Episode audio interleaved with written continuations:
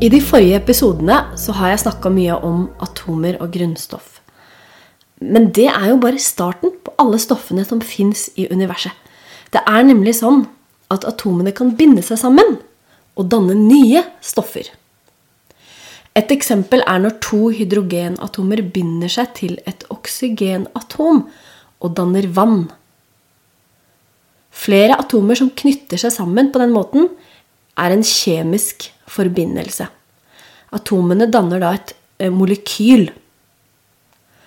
Så selv om det fins drøyt 100 grunnstoffer, så kjenner vi faktisk til over 70 millioner ulike stoffer.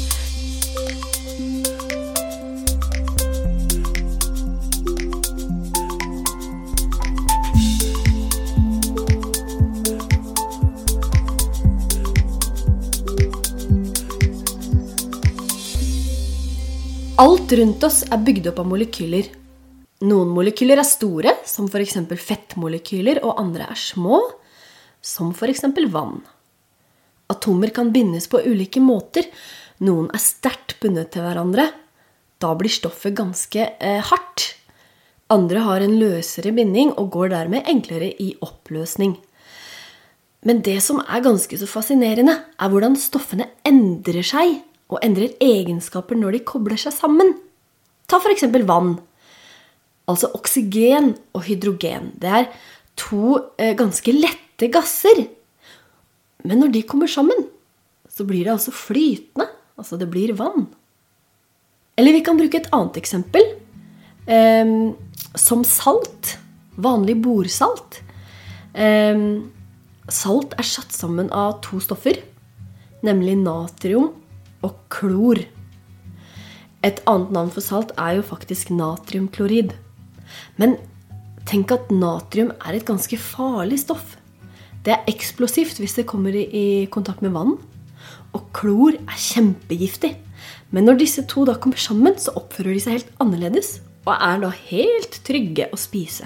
Er ikke det morsomt? Men hvordan fungerer det egentlig når to atomer binder seg sammen? Er det sånn at de limer seg sammen, eller binder de en tråd rundt seg, eller Nei, det fungerer jo ikke sånn. Det som skjer, er at de rett og slett deler på elektroner. I et atom så er det jo sånn at de har flere elektronskall. Og i det innerste skallet så er det plass til to elektroner. I det andre skallet er det plass til åtte.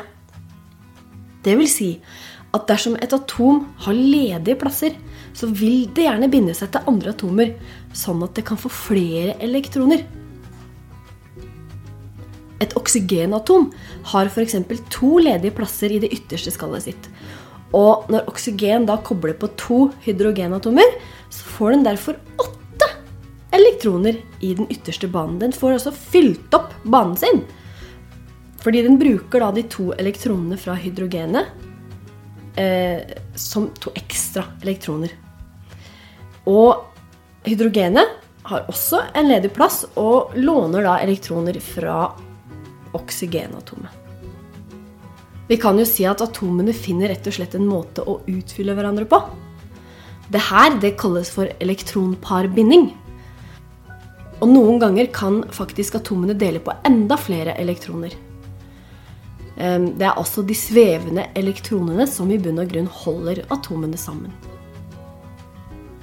I forrige episode så snakka jeg om kjemiske symboler.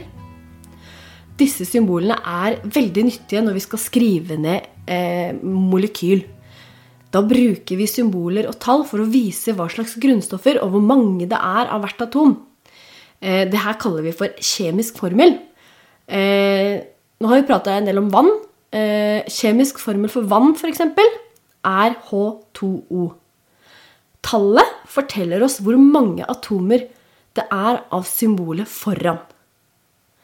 Hvis det ikke står noe tall, som f.eks. etter O-en i det tilfellet her, så betyr det at det er kun ett atom. Håper du har fått litt bedre forståelse av hva et molekyl er. Til neste gang, vær nysgjerrig og interessert i kloden vår.